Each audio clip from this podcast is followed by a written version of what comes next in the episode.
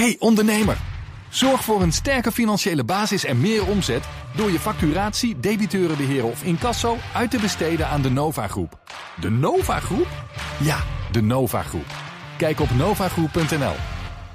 heeft bereikt met de vakbonden. Meer daarover hoor je in het economenpanel. En dat bestaat vandaag uit Rens van Tilburg van het Sustainable Finance Lab, verbonden aan de Universiteit Utrecht. En Luc Abe, hoofdeconoom bij Van Landschot Bankiers. Welkom, mannen. Fijn dat jullie er zijn. Goedemiddag. Voor het eerst een half jaar. Jullie zien er nog ongeveer uit zoals ik had verwacht. Goed om elkaar weer eens te zien. En wij beginnen met de ECB. Dat had ook gewoon in maart gekund of april. Mij maakt niet uit. Het is altijd wel interessant. Christine Lagarde heeft gezegd dat de ECB erover nadenkt om de inflatie hoger te laten oplopen dan de beoogde 2%. Als dat een keer aan de orde is. En zij reageert, reageert daarmee ook op Jay Powell van de Fed. Die eind augustus uh, ook met die gedachte kwam om het herstel in de arbeidsmarkt te bevorderen. Um, Luc, om met jou te beginnen. We hebben het dan over inflatie die hoger is dan 2%. De laatste cijfers zijn dat er sprake is van deflatie. Min 0,3 procent. Ja, zoiets, ja. Is dit ook een, dan een vrij academisch vraagstuk? Dit lijkt mij wel een academisch vraagstuk. Als je kijkt naar het beleid van de ECB... niet alleen van de ECB trouwens, maar van, weer, van centrale banken wereldwijd... ja, iedereen heeft zijn inflatiedoelstellingen. Er zijn er weinigen die het uh, gehaald hebben. Eigenlijk de Federal Reserve was nou degene die het er het dichtste bij zat. En zelfs, zelfs die uh, heeft nu gezegd... van we gaan die inflatie wat hoger laten oplopen. Die arbeidsmarkt mag iets krapper zijn nog... voordat we de rente gaan, gaan optrekken. Nu, de ECB is natuurlijk ook met zo'n strategische denkoefening bezig. Hè? En de, de resultaten daarvan, of de uitkomst, is maar eind volgend jaar. Dus ja, je kan als, als Christine Lagarde zijnde ook moeilijk zeggen van jongens, wacht nog een jaartje en dan zien we wel. Dus daarom maar je ziet, dan heeft ze dit uh, bewust uh, laten lekken. Kijk eens even hoe dit valt. Ja, wellicht. Ja, wellicht ook uh, om bijvoorbeeld die euro niet te, te, te fort te laten oplopen. Maar we zullen zien wat er uitkomt binnen, binnen 12 maanden ongeveer. Hè? Wat denk jij dat dit te betekenen heeft, Ren? Nou ja, ze heeft het vorige week gezegd bij een uh, speech die ze, die ze hield. Uh, dus het was wel een heel bewust uh, signaal. Ja. En ik denk dat het wel belangrijk is. Een aantal redenen. De eerste plaats, um, want zoals Luc zei, hè, de ECB is nu voor het eerst in, in een kleine twintig jaar... zijn ze weer hun hele monetaire raamwerk tegen het licht aan het houden. Dus alles kan ter discussie gesteld worden. En eigenlijk mijn grootste angst daarbij was dat ze misschien het inflatiedoel wel naar beneden zouden gaan bijstellen. En want de ECB die is eigenlijk de laatste tien jaar er niet meer in geslaagd om dat doel van 2% inflatie te halen. Dan hebben ze allerlei dingen uit de kast gehaald uh, om dat te bereiken. Dat is niet gelukt. En uh, vorig jaar was er een, uh, een, eigenlijk een actie van, van oude centrale bankiers, waaronder Nout Welling. die hadden een brief in de Financial Times geschreven. Zeiden van joh, het is gewoon ondoenlijk die 2% te bereiken. Dus geef het op, maak er 1% ja. van. Dat is ook prijsstabiliteit volgens het EU-verdrag. Dus dat mag. Nou, dat lijkt mij een heel slecht idee. Uh, in de eerste plaats omdat we op dit moment in de economie gewoon met ontzettend hoge schulden zitten. Op allerlei plekken, bij bedrijven, bij overheden, bij huishoudens. En als je inflatie laag laat zijn, ja, dan, dan nemen dus die schulden ook niet Dus inflatie zorgt er eigenlijk voor dat die schulden ook elk jaar een beetje minder uh, waard worden. Uh, en in feite, wat, wat die, die oude centrale bankiers zeiden, was van stop nou met dat stimuleren van de economie zoals jullie dat nu aan het doen zijn als, uh, als ECB. ja, en volgens mij zou dat heel onverstandig zijn. Tegelijkertijd is natuurlijk de echt grote vraag. Hè, dus ik ben blij dat ze het wel rond die 2% gaat houden. Zelfs ietsje, ambitieuzer wordt in navolging van Amerika. Maar de echt grote vraag is natuurlijk, maar hoe ga je dat doen? Want zoals je terecht zei, het is op dit moment deflatie. het gaat niet goed met de economie. Dus de, dus de, de kans dat het in nog voorlopig hele lage inflatie blijft. Hè, dat blijkt ook uit alle uh, verwachtingen die, die je in de markt ziet. Uh, hè, de, de verwachting is dat, het, dat we over, over twee, drie jaar nog steeds maar met 1% inflatie zitten. Dus de echt grote interessante vraag voor die hele review van de ECB is van wat voor nieuwe instrumenten gaan jullie nou gebruiken om dan wel uh, je doel te bereiken. En daar ben ik het dus wel eens met die oude centrale bankiers... dat ze zeggen, meer van wat jullie nu aan het doen zijn... dat heeft geen zin. Hè? Dus nog meer quantitative easing, zoals het heet... monetaire verruiming, nog meer opkopen van staatsschuld. Ja, ik verwacht ook niet dat je ja. daar de inflatie mee omhoog gaat krijgen. Het is niet zo'n gekke gedachte, hè? die inflatiedoelstelling in vraag stellen... naar beneden toe. Hè? Je, leeft, je, leeft in, je leeft in een wereld, als je kijkt naar de structurele krachten... achter die um, lage inflatie van de voorbije jaren dat was de globalisering. Ja, daar komt misschien nu een beetje een einde of daar wordt aan, aan geknabbeld. Maar dat, dat blijft wel echt toch een bepaalde, bepaalde kracht. En vooral de technologisering, dus technologie, digitalisering van de economie, ja, die zorgt voor, voor prijsdruk. Hè. we, we, leven in een wereld waarin de grootste aanbieder van hotel of overnachtingen geen bakten op zijn balans heeft. Hè, om maar iets te zeggen. We leven in een wereld waarin de grootste aanbieder van geen auto op zijn balans heeft. Dus door die digitalisering. Dus is het dan niet. Ik vind het wel een terechte vraag. Ik heb ook geen onmiddellijk antwoord hoor, maar ik vind het wel een terechte vraag. Is het niet 2% absoluut willen halen? Ja, is wel, is wel heel moeilijk in, eh, in, in, in zo'n wereld. Dus het is misschien wel totaal onrealistisch. En ga je misschien acties ondernemen die uiteindelijk de schade veel groter maken. En daar ben jij niet zo bang voor, Rens? Nou ja, ik, ik denk dus wel dat je heel goed moet nadenken welke instrumenten je dan gaat gebruiken. Maar ik, hè, en ik herken overigens ook zeker wat, uh, wat, wat, wat Luc schetst. Wat redenen zijn om te zeggen van nou, moet je die 2% wel willen halen? Ehm, daar staat wel tegenover dat er ook redenen zijn om juist voor een wat hogere inflatie te pleiten. kijk, die, die 2%, daar zijn ze destijds op uitgekomen, omdat toen uh, de statuten van de Europese Centrale Bank werden uh, geschreven en toen ze deze doelstelling in 2003 vaststelden, ehm, was eigenlijk de grote angst was dat de inflatie te hoog zou gaan worden. Ja. dus toen zeiden van, nou oké, dat moet je niet hebben. Maar goed, 2% dat, dat, dat, dat, dat kan. En dat is ook een redelijk stukje van die nul vandaan. Um, in feite leven we nu in een hele andere wereld... waarin het gevaar, precies om die redenen die Luc schetst... Uh, eerder is dat we in een deflatiescenario terechtkomen. He, dus daar zitten we, we zitten nu met deflatie. En het gevaar is dat als, die, als, dat, als dat echt uh, uh, wordt gezien door, door, door mensen van... als de verwachtingen worden van de, het, het blijft deflatie... Nou, dan kan het een enorme rem op de economie gaan zetten. Dus dat is ook een argument om te zeggen van ja, juist om die reden moet je nu juist wat, wat meer remweg inbouwen en dus een wat hogere doel gaan hebben. Ja, Lagarde heeft daarover gezegd, las ik in eh, de krant, ik denk dat het het FD was, dat deze goedmaakstrategie, zoals dat werd genoemd, kan zorgen voor hogere inflatieverwachtingen en daarmee uiteindelijk ook voor hogere inflatie. Maar zegt ze daarbij um, dat een strategie minder succesvol is als mensen niet compleet rationeel zijn in hun beslissingen. Ja. Wat waarschijnlijk een goede voorstelling is van de realiteit. Ja, want, want wat ze in haar, in haar speech namelijk ook aanhaalde, dat vond ik een heel grappig cijfer.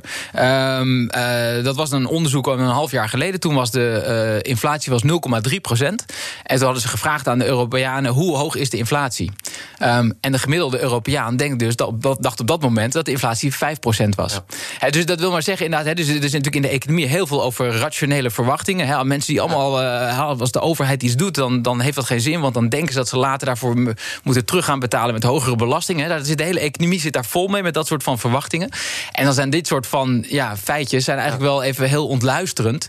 Want we zitten dus in een deflatieachtig scenario. Dat is waar iedereen zich druk op maakt. En de gemiddelde Europeaan denkt dat we met 5% inflatie van doen hebben. Misschien moeten we ons als, of als de centrale bank zich niet zozeer druk maken van is die inflatie te laag? Nee, is de rente niet te laag? De beleidsrente. Want kijk, wat, wat, wat is eigenlijk het punt? De reële rente. Dus de rente zoals we die zien, min de inflatie of de inflatieverwachtingen. En dat is nu een beetje het punt. Als je tegen de nulgrens zit, of onder de nulgrens zelfs, ja, dan die reële rente kan je enkel maar doen dalen door die inflatie op te drijven.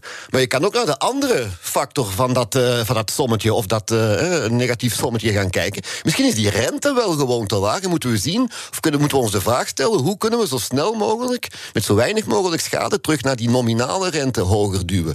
Als dan de inflatie een half procentpuntje hoger of lager. met zo weinig mogelijk schade. Dat, met, dat is niet zo werk, want dan kan je je reële rente sturen middels die, die, die, uh, die beleidsrente. Ja, maar dat is wel wat er geprobeerd is. Hè? Want ik denk dat inderdaad. Dat, dat is wat alle centrale bankiers zouden willen. Hadden we maar een, een, een positieve rente. Uh, in 2011, toen, we, toen het net weer even wat beter leek te gaan met de euro-economie... toen heeft de ECB dus ook de rente weer verhoogd. Hè. Die dachten, oh, snel omhoog die rente. Nou, die economie die, die, die, die reageerde daar allergisch op. Die stortte gewoon uh, direct ineen. Hebben ze ook heel snel weer terug, uh, teruggedraaid. En sindsdien hebben ze het niet meer aangedurfd. Um, en volgens mij is het ook op zich voor een goede reden. Ja, dan kom, kom, kom, kom ik ook weer... Ja, nee, Amerika heeft wat dat betreft een, een ander... kijk, het grote verschil tussen Amerika en Europa is geweest dat in Amerika de overheid veel meer geld is gaan uitgeven. dus dat, dat is ook iets waar Lagarde in haar speech uh, afgelopen week op wees. Was dat in de tijd dat in uh, Europa uh, de, de, de, de tekorten werden teruggebracht in, in Europa, ja, stegen ze in Amerika. Dus de overheid ging daar meer geld uitgeven. Ja, en dan geef je ruimte aan de monetaire autoriteit om die rente een beetje op te laten lopen. En, en dat is dus ook, he, want ik zei, het gaat eigenlijk over de vraag van wat zijn nou de nieuwe instrumenten die we gaan gebruiken. En het hele interessante is dat we in die hele ECB-review, zoals dat heet, hebben ze nu een nieuwe werkgroep opgericht. En die gaat kijken naar wat heet de monetaire fiscale samenwerking. Hè. Dus de samenwerking tussen wat er bij de ECB gebeurt en wat er bij de overheden gebeurt. En dat is iets waar eigenlijk tot nu toe was dat altijd vloek in de kerk. Daar mocht je het niet over hebben. Monetair was afzonderlijk, onafhankelijk, had niks te maken met de, met, met de overheid. En ja, nu is toch een beetje het eerste schaap over de dam. Dus er, is nu een werkgroep met die naam, dus daar gaat nu over gesproken worden. Maar dat betekent dat de ECB haar mandaat weer gaat oprekken, over meer zaken wil gaan, begrotingsbeleid? Nou, ik, ik, ik denk dat ze uiteindelijk, kijk, uiteindelijk zul je, en dat is dus wat, wat ik denk dat ook de weg vooruit is, zul je een soort van deal moeten hebben, he, impliciet of expliciet, waarbij overheden gewoon veel meer die stimulans voor hun rekening gaan nemen. Dat hebben ze nu zegt de ECB natuurlijk eh, in de persoon van Lagarde en haar voorganger tegen overheden: ga alsjeblieft meer geld uitgeven. maar daar, daar blijft het dan ook bij. Ja, en daar wordt, en daar wordt, niet, daar wordt, er wordt overigens nu redelijk goed naar geluisterd. Hè, maar, maar Draghi heeft dat de afgelopen jaren ook steeds geroepen. Het was het eerste wat, wat Lagarde riep toen zij uh, voor de coronacrisis uh, aantrad. En toen werd er eigenlijk niet op gereageerd. En ik denk dus, we zitten nu in een acute crisis. Dus je ziet dat er nu heel veel geld geleend wordt door overheden. Dus nu gebeurt dat. Uh, ik denk dat je naar de toekomst toe als ECB wil dat overheden uh, steviger gaan uit, uh, ja, eigenlijk vaststellen. Wij zullen de komende jaren nog flink accommoderend beleid blijven voeren. Dus wij blijven geld uitgeven. En dan kan die ECB inderdaad, wat Luc terecht zei, die rente gaan verhogen. En wat meer... dan is het gevaar ook als die samenwerking te nauw is dat het uiteindelijk dat die, een stuk onafhankelijkheid bewaren, met name voor, de, voor een centrale bank, is toch wel heel belangrijk. Hè? Je kan in een crisissituatie zoals deze, natuurlijk praat je met elkaar, natuurlijk probeer je dat beleid op elkaar wat af te stemmen, maar het mag niet, denk ik, één beleid zijn. Want nu lijkt het allemaal heel logisch, maar als binnen twee jaar, drie jaar, vijf jaar, hopelijk zo snel mogelijk uh, de, de, de boel terug een beetje genormaliseerd is, ja, heeft het ook wel gevaren om al te zeer gezamenlijk op te trekken. Toch? Ja, en, en, tegelijkertijd denk ik, ik, ik, kijk, ik ben wel van de school uh, dat die, die, die, onafhankelijkheid er ook eigenlijk helemaal nooit is geweest. En dus als je, ook in de jaren negentig, als je ziet hoe Alan Greenspan uh, versus uh, Bill Clinton, he, die zei ook, hij zei gewoon van, jij brengt nu je begrotingstekort naar beneden, dan zal ik de rente gaan verlagen en anders ga ik de rente verhogen. Dus die, die, op zich is die uitruil, die is er altijd geweest. het belangrijke is, en dat is echt de crux, is wat je niet wil, is dat de centrale bank moet luisteren naar de overheden. Nee, dat als de overheden zeggen, jullie moeten nu geld gaan bijdrukken, dat ze dat gaan doen. Dat, dat is wat je absoluut daar niet moet je wil. Wel, daar moet je wel zien dat je daar niet te sterk een begin meemaakt met die, uh, die, uh, die ja. sfeer. Nee, daar zijn we het helemaal over eens. Nou, dan is het tijd om af te ronden. In ieder geval wat betreft dit onderwerp. En um, het economenpanel heeft natuurlijk nog alle ruimte en tijd voor zich. Rens van Tilburg van de Sustainable Finance Lab... en Luc Abe, hoofdeconoom bij Van Landschot Bankiers. Ik wil het met jullie uh, ook nog even kort hebben over KLM. Want vlak voor de deadline heeft dat bedrijf haar herstructureringsplan aangeboden aan minister Hoekstra. 4500 banen gaan verloren. Bijna alle medewerkers leveren fors in. Daarbij was het idee: de sterkste schouders dragen de zwaarste lasten. Is dat, als je kijkt naar wat er nu ligt, ook gebeurd? Ik heb de, de, de indruk van wel, ja, dat dat voor een belangrijk deel wel, uh, wel gebeurd is. Hè, met name de piloten, uh, grondpersoneel en dergelijke, die in, in inlevering is vooral het niet krijgen van een loonsverhoging uh, van 2,5 procent per ja, jaar. 2,5 procent. dacht ik dat het. Ja. dus dat, dat, dat, dat lijkt wel gebeurd. Of het ook voldoende is, ja, dat, dat zullen we zien. Het is niet alleen KLM, Air France natuurlijk. Het is heel die sector. Hè. En ja, uiteindelijk, de enige parameter die belangrijk is, hoeveel mensen zitten er in een vliegtuig binnen anderhalf jaar, hè, of binnen een jaar. Dat is, dat is een veel belangrijke Ja, die, ik zag een uh, piloot die in de krant zei... Uh, ook, ook als uh, wij alles inleveren, gratis gaan vliegen... dan maakt KLM nog steeds verlies. Precies. Het draait natuurlijk om of die vliegtuigen weer vol zitten. Precies. En het draaide voor veel vakbonden en werkgeversorganisaties... ook nog om een fundamentele vraag, namelijk of de overheid zich via deze maatregel mag mengen in cao-kwesties. Er zijn vakbonden geweest en, en werkgeversorganisaties die zeiden: ja, maar dit is, dit is ons terrein. Ook in deze situatie geeft het eigenlijk geen pas dat de overheid, de minister zegt: jullie moeten gaan inleveren. Ga er maar over praten. Ben je het daarmee eens, Rens? Nee, daar ben ik het niet mee eens. Kijk, je vraagt uh, van de overheid om met een hele hoop geld over de brug te komen uh, om dat bedrijf overeind te houden. Uh, dan denk ik dat het logisch is dat je als overheid ook wil meebesluiten over hoe gaan we dit bedrijf dan naar de toekomst toe nog een beetje stevig houden. Um, en kijk, ik ben er geen specialist in, maar ik heb wel eens vergelijkingen gezien van wat piloten bij verschillende maatschappijen verdienen. Um, en dan zaten die van KLM altijd wel echt in de top. dus, dus ik kan me ook voorstellen dat dit ook wel een goed moment was om daar eens even wat in recht te trekken. Um, dus ik, ik, ik, ja, ik denk dat dit, dit was op zich. Een, je ziet dat overal waar steun wordt gegeven, wordt ook geherstructureerd. Dat is ook absoluut wat er moet gebeuren. En dat is sterker nog, ik, kijk, dat is wat Luc ook zegt. De vraag, grote vraag is: is dit genoeg? Nou, volgens mij weten we allemaal wel dat het waarschijnlijk niet genoeg is. er wordt alweer over gesproken voor een volgend steunpakket. Uh, ja, dus dat gaat dan om direct cash. dit gaat natuurlijk nog al om, om garanties, om leningen. Maar het zou nu gaan in een volgend pakket om echt een kapitaalinjectie. Ja, kapitaalinjectie. Ja. Ja, nou ja, en daar zullen natuurlijk. Eh, het, zou ik het ook niet raar vinden als daar ook weer uh, uh, voorwaarden aan, eh, aan verbonden worden. En, en, en, ik denk heel belangrijk daarbij is dat je niet gaat proberen om, om, om, om, om. En dat geldt voor alle coronasteun eigenlijk die de overheid geeft. Is dat je niet alleen maar overeind houdt wat we op dit moment hebben. Maar dat je nadenkt bij het geven van steun van maar welke kant moet het nou eigenlijk op? Dat, toen, toen de coronacrisis begon in maart, toen hadden we heel veel mensen nog even de hoop van. Nou, dit is even tanden op elkaar zes weken, drie maanden eventueel eh, de boel op slot. En daarna gaan we gewoon weer door alsof er, uh, alsof er niks veranderd is. Nou ja, inmiddels is het wel duidelijk, dit gaat veel langer duren. Uh, de hele economische nasleep hiervan gaat nog veel langer duren. Uh, dus, dus het gewoon helemaal overeind houden van een, bijvoorbeeld een luchtvaartmaatschappij. ja, dat, dat, dat is niet verstandig. Dus maar je wordt het ook niet, hoe, hoe meer je er al ingestopt hebt, lastiger om te zeggen van nou hier is het genoeg, hier stopt het? Ja, er is ook wel een verschil denk ik als je, als je gaat steunen voor ondernemingen. Sommige ondernemingen die waren voor de crisis ook niet eigenlijk, de zogenaamde zombies. Die zombies, die, eh, daar worden er eh, steeds meer van, eh, van, van geteld natuurlijk. Maar hier heb je wel een hele sector die in de problemen zit. En niet enkel in Nederland, niet enkel in Frankrijk, maar, maar, maar wereldwijd. Hè. Dus dan moet je misschien toch iets, uh, ja, iets meer met hagel schieten. Als je een hele sector overeind wil houden, dan echt specifieke gerichte schoten naar, naar bedrijven. Dat is iets anders dan naar individuele bedrijven maar, maar kijken. Dit is toch niet een schot hagel? KLM redden? Het is niet alleen in Nederland dat het gebeurt. Het gebeurt eigenlijk uh, wereldwijd, he, die, uh, die, die, sector, die sector redden. Ja, nee, maar, maar Hoekstra heeft volgens mij in maart, toen inderdaad nog werd gedacht... drie weken, zes weken, een paar maanden, al gezegd... Schiphol, KLM, ga ik overeind houden. Ik ken zijn letterlijke woorden niet meer, maar het was een van zijn eerste prioriteiten. En dat lijkt hij nu na te komen. Ja. ja. En, en, en de vraag is dus wel met dat soort dingen is... Uh, kijk, denk duidelijk als Nederland willen we uh, blijven kunnen vliegen. Uh, dus, dus, dus daar begrijp ik Hoekstra helemaal. De vraag is wel daar vervolgens bij van wat is er nou nodig... om dat te kunnen blijven doen?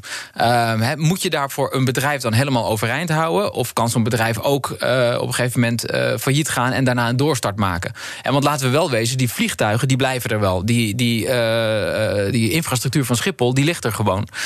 Dus, dus je hoeft volgens mij niet om die functies overeind te houden. ook per se alle bedrijven die daar nu omheen actief zijn. Uh, op dit moment overeind te houden. Nee, maar er worden ook voorwaarden gekoppeld natuurlijk hè, aan, uh, aan die steunen. Niet alleen bij KLM, maar ook bij Air France bijvoorbeeld. En rond duurzaamheid bijvoorbeeld. Maar daar moet je je wel de vraag stellen: wat is het evenwicht? Wat is het evenwicht tussen zo'n onderneming in de lucht houden, letterlijk in dit, uh, in dit geval? En hoe kunnen we die voorwaarden daar nu al opleggen? Is de eerste, en dat is een open vraag, is de eerste, eerste gedachte niet, de eerste zorg niet? Ja, zien dat dat ding nog blijft bestaan überhaupt. En dat, het, uh, dat er die structuur aanwezig blijft. En dat je dan vervolgens voorwaarden gaat opleggen. Ja, ja dan maar... ga je twee dingen tegelijk proberen doen... te midden van de grootste crisis die we... Maar, maar daar zou ik toch wel voor zijn om, om, om wel even hier die twee dingen tegelijk proberen te doen. Suggereer, ja. ja. want kijk, je, je, als je het hebt, stel je zegt uh, we, we, willen, we willen KLM behouden. Uh, dan kun je twee dingen doen. Dan kun je zeggen van nou, hoeveel mensen werken er nu bij KLM? En dan heb je dus zoveel geld nodig om die allemaal uh, de winter door te helpen. Um, of je zegt hoeveel mensen werken er nu bij KLM? En hoeveel moeten er over drie, vier jaar nog werken? He, dus in feite, om het voorbeeld van die piloten te nemen, ga je alle piloten van KLM blijven doorbetalen de komende tijd. Eigenlijk wetende dat over, over de komende vier jaar uh, voor een groot deel van hen gewoon geen werk zal zijn. En waarschijnlijk over vier jaar überhaupt niet. Hè, want dat is wat, wat, wat bij Air France meespeelde. Is dat de Franse overheid heeft gezegd van ja, eigenlijk willen wij, hè, we hebben prachtige TGV's overal rijden. Uh, dus we willen gewoon eigenlijk af van al die binnenlandse vluchten. En ja, als je dat, uh, als je dat wil, dan heb je ook gewoon minder piloten nodig. Nou, die draai hebben ze in Frankrijk wel gemaakt. Dat heb ik in Nederland eigenlijk nog niet gezien. En dus dat is ook wel bij die. Dat was ook wel een, een punt van kritiek op, op het moment dat, uh, dat die deal gesloten werd met KLM, was dat er eigenlijk anders dan in Frankrijk en ook in Duitsland, uh, ik geloof zelfs in, in Engeland, daar waren, waren toch he, allemaal meer of mindere mate waren er groene voorwaarden. Ja, ik geloof dat KLM ook wel de trein heeft genoemd een paar weken geleden toen Pieter Elbers iets moest zeggen over de toekomst dat kan volgens mij ook bijna niet anders meer. Als luchtvaartmaatschappij moet je nu, om uh, maatschappelijk verantwoord ondernemen te tonen, ook wel zeggen van voor de korte afstand is de trein een serieus alternatief. Dus ik dacht dat KLM dat ook al had gezegd. Ja, maar er zijn twee dingen. Iets, iets, iets zeggen en het ook echt in de plannen meenemen. En dus ook vanuit van een bepaalde krimp uitgaan. Hè? Want dat is denk ik de crux wat er bij Air France is gebeurd. Daar, daar wordt dus in het scenario uitgegaan van in binnen Frankrijk gaan we gewoon minder vliegen de komende jaren. En dat heb ik uh, van, van, van KLM niet begrepen. En vandaar het terechte beginpunt. Mag je voorwaarden opleggen? Mag je daar kritisch op zijn? Ja, tuurlijk mag je dat. Zeker als je met zoveel geld over de brug komt. Maar jij zei volgens mij net wel, hè? Eh, hoe streng moet je dan zijn ja, nee, bij een bedrijf dat het al zwaar heeft? Ja. Moet je dan nog eventjes de teugels aantrekken? Of ja. moet je zeggen, ja, er moet nog wel wat overblijven? Ja, nee, tuurlijk. Dat is een, dat is een moeilijk evenwicht. Je mag voorwaarden uh, opleggen, maar je moet wel opletten, denk ik, met voorwaarden die, ja, die puur um, ja, PNL-matig, rentabiliteit, zijn je kosten niet te hoog. Kosten op een, op een horizon van twee jaar, drie jaar. Maar wat je ook vaak hoort, is dat er bepaalde voorwaarden gaan opgelegd worden. die Um, ja, rond duurzaamheid bijvoorbeeld. En begrijp me niet verkeerd. Ik sta daar, een vies woord. Ik sta daar volledig, ik sta, nee, ik sta daar volledig achter. Maar de vraag is of je die twee dingen tegelijk moet doen. En of het eigenlijk gepast is, opportun is, efficiënt is. Om dat nu met zo'n financieringsronde, zo'n steunpakket, om dat eraan te koppelen. Iets dat sowieso misschien door de markt afgedwongen was geweest en afgedwongen zal worden. En dan dreig je, als, nee, je dreigt misschien, dreig je, als je die twee doelstellingen al te veel aan elkaar koppelt, dreig je misschien geen enkele over te houden. Ja, wat, wat ik dus denk dat voor de overheid, um, wat duurzaamheid een, een, een, uh, betreft, een, uh, een productievere route is, is om een onderscheid te maken tussen het, het steunen van wat we nu hebben, hè, het steunen van het bestaande, um, en daarnaast het investeren in nieuwe dingen. Dat zijn twee aparte dingen. Dat zijn eigenlijk twee aparte Precies. dingen. Um, en, en, en bij dat investeren. Daar denk ik, moet je echt die duurzaamheid een belangrijke rol geven. En dat is overigens ook de reden waarom ik dus dat, eh, dat Wopke Wiebes Fonds. Op zich, ik vind dus het idee van nu gaan investeren naast het steunen heel erg goed. Uh, alleen, en, en, en, dat je dan zegt van goh, en als iets, iets bijdraagt aan de productiviteit in de toekomst, prima dat je daar een plus aan geeft. Maar, maar, maar dat hadden ze niet zo exclusief moeten maken. Dus ik denk, uh, werkgelegenheid is eigenlijk het allerbelangrijkste op dit moment. Dus dat je gewoon op de korte termijn banen schept. Daar hebben we de bik voor daar hebben we de big gerelateerde investeringskorting. Zeker, zeker, zeker, zeker. Laten we hopen dat die daar ook aan bijdraagt. maar ik denk dat, dat, dat er, uh, er zijn allerlei uh, uh, ja, lijsten van investeringen die op dit moment niet gedaan worden. die je als overheid nu los zou, zou kunnen gaan trekken. En daarvoor zitten er heel veel in de duurzaamheidshoek. Hè. Dus als je het hebt over het verduurzamen van woningen in Nederland, zijn we het allemaal heel lang over eens dat moet gebeuren. Ook, het gaat allemaal veel te langzaam. Dus iedereen vraagt zich af: hoe krijg je dat nou los? Nou ja, dan is hier wel even een win-win uh, situatie mogelijk. Hoe leuk ik het ook vond en vind dat jullie hier allebei waren... er is toch een einde gekomen aan dit economenpanel. Rens van Tilburg van het Sustainable Finance Lab... en Luc Abe, hoofdeconoom bij Van Landschot Bankiers. Fijn dat jullie er waren. Tot een volgende keer. Ja, leuk Hopelijk, om te zijn. iets minder lang wachten dan de vorige keer dat jullie hier waren. Um, morgen dan is Bart-Jan Koopman te gast. Hij is directeur van Evo Venedex. De Nederlandse exporteurs hadden al lage verwachtingen... van het herstel na de coronacrisis. De realiteit stemt nog somberder. Morgen meer daarover in BNR Zaken doen. Zometeen eerst Nieuwsroom, dat is onze dagelijkse podcast... van het FD en BNR, gepresenteerd door Mark Beekhuis. Veel plezier, tot morgen. Hey ondernemer! Zorg voor een sterke financiële basis en meer omzet door je facturatie, debiteurenbeheer of incasso uit te besteden aan de Nova Groep. De Nova Groep? Ja, de Nova Groep. Kijk op novagroep.nl.